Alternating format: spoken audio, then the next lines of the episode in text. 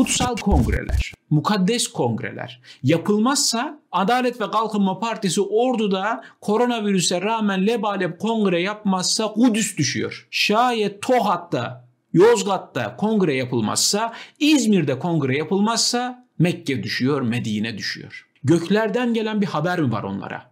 Yani bu kongreleri yapmalarına dair. Ben lafı nereye getireceğimi söyleyeyim sevgili izleyenler. Bakın bu kongrelerde katılan herkes sonuçta Biontech aşısı olmamıştır. Hani Türkiye'ye gelen ama kimlere yapıldığını bilmediğimiz bir Biontech aşısı var ya. Hani kime yapıldı acaba? E sonuçta bütün kongreye katılan bütün AK Parti teşkilatlarına yapılmamıştır, yetmemiştir o aşı. O kongrelerde koronavirüs bulaşacak bir sürü insan olacak. Acaba diyorum kendilerini şöyle motive ediyor olabilirler mi? Bu çok büyük bir dava. Bu çok kutsal bir dava. Göklerden gelen bir karar vardır. Hani olur da orada koronavirüse yakalanır da ölürsek şehit, kalırsak gazi falan diye kendilerini böyle sahte manevi şeylerle gaza getiriyor olabilirler mi? Herhalde böyle yani. Bunu Allah rızası, vatan, millet, Sakarya bu öyle önemli bir kongre ki zalimin suratına vurulmuş bir Osmanlı tohadı gibi mi diyorlar. Tabii e, bunun başlıca sorumlusu Cumhurbaşkanı utanmadan bir de beni sorumlu ilan ediyorlar. Hani olur Allah korusun kongrelerde böyle korkunç sayılar ortaya çıksa siz o kongreye giderken dönemin Cumhurbaşkanına mı sordunuz? Maske, mesafe, hijyen, maske, mesafe, hijyen sonra görüyoruz.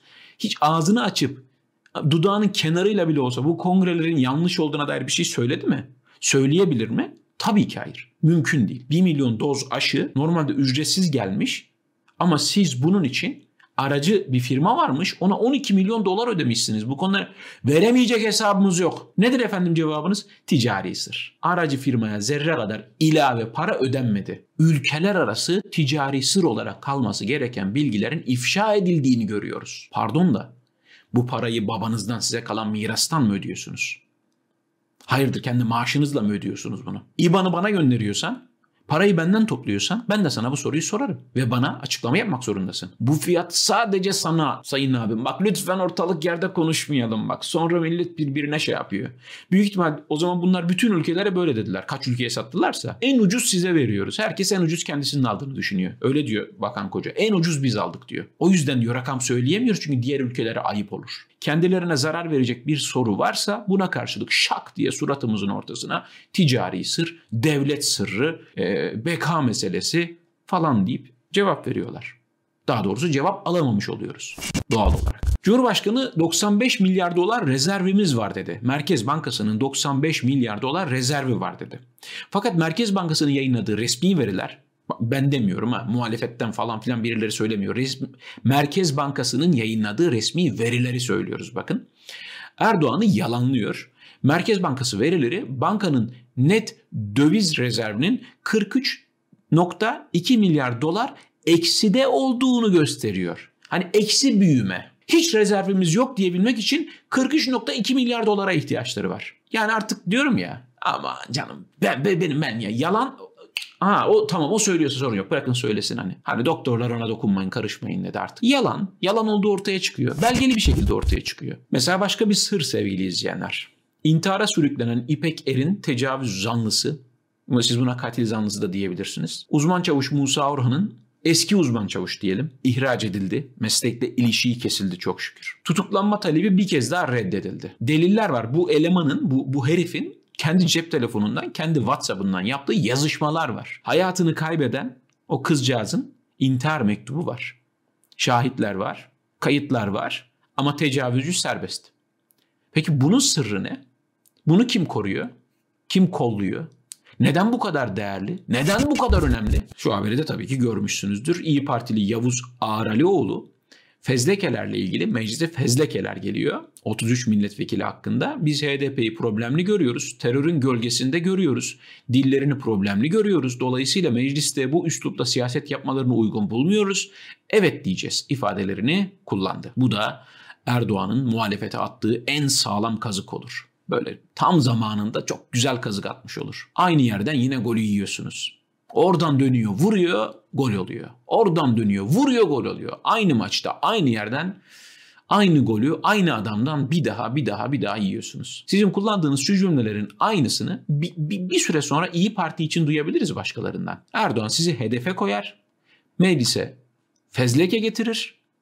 Sonra birileri de çıkar der ki biz İyi Parti'yi problemli görüyoruz. Terörün gölgesinde görüyoruz. Dillerini problemli görüyoruz. Dolayısıyla mecliste bu üslubu siyaset yapılmasına uygun bulmuyoruz. Evet diyeceğiz der. Olur biter. Muhalefeti parçalama diye bir hedefleri var ve buradan işte ilerliyorlar. Çünkü buradan vururlarsa gol olacağını biliyorlar. Yine gol olacakmış gibi görünüyor. Çok sağlam kazık geliyor bu sefer ama yani. Büyük Birlik Partisi Genel Başkanı Mustafa Destici gerekirse Çin'e savaş açılsın. Uygurlara zulmedildiğini söylüyor. Gerçekten orada zulüm var diyor. Gerekirse Çin'e bir savaş da açarız diyor ama onun öncesinde yapılabilecek bir sürü şey var diyor. Şimdi ilginç. Kendisi Cumhur İttifakı'nın bir üyesi. Yani AKP ile MHP'nin hayır öyle bir şey yok dediği bir konuda Mustafa Destici var diyor. Zulüm var diyor. Haksızlık var diyor. Gerekirse savaş da açılır diyor. Ama diyor öncesinde yapılması gereken şeyler var diyor. Tamam onu gitsin o zaman desteklediği Cumhur İttifakı'nın liderleriyle bir görüşsün, konuşsun. Onları da bir ikna etsin. Böyle bir zulmün olduğuna ondan sonra böyle şeyler söylesin. Ermenistan'da darbe girişimi var sevgili izleyenler. Ordu asker muhtıra verdi. Başbakanın istifa etmesini istedi Paşinyan'ın. Paşinyan da seçilmiş başbakan olarak orduya işinin başına dönmesini emrediyorum. E, kimse bu emrin dışına çıkamaz. Halkımız Ermenistan'da bir darbe yaşanmasına izin vermeyecek demiş sokağa çık. Darbe duyumunu aldığında bir başbakanın, bir liderin yapması gereken şey tam olarak da budur zaten. Darbe duyumu bilmem ne onun belirtisi, haberi o yani Anlatabiliyor muyum yani? Bekleyelim asker azıcık bir sokağa çıksın da sonra biz ondan onun karşısına halkı çıkaralım da ben oradan daha güçlü çıkayım falan diye düşünmemeli yani. Azerbaycan Cumhurbaşkanı Aliyev'den Ermenistan'daki olaylarla ilgili ilk yorum Ermenistan'daki muhalefet her gün baskı görüyor, tutuklanıyor ve öldürülüyor ama kimse tepki vermiyor. Azerbaycan'da tabii ki böyle problemler yok. Çünkü Azerbaycan'da muhalefet yok. Biz o sorunu kokten çözdük. Kimse muhalefet yap olmadığı için muhalefet baskı da görmüyor, kaçırılmıyor, tutuklanmıyor ve öldürülmüyor. Şimdi muhalefet olsa böyle riskler var. Muhalefetin baskı görmesi, tutuklanması, öldürülmesi gibi olmayınca olmuyor. Yani güzel bir şey bak. Ya senin ülkende demokrasi diye bir şey yok ya. Baş, baş, başka yere laf atmak ne kolay değil mi? Başka yerin demokrasisine çemkirmek, hönkürmek çok kolay. Defalarca dünyanın en yolsuz lideri seçilmiş birisi Aliyev. Ama öyle işte yani. Rusya'dan S-400 açıklaması isteseydik bile Türkiye'nin üretmesi pek mümkün değil. Şimdi S-400 hangara kaldırılıyor, depoya kaldırılıyor. Bir ölü yatırım milyar dolarlar bir de oradan gidiyor. Bu da sır, bu da devlet sırrı konuşamıyorsunuz.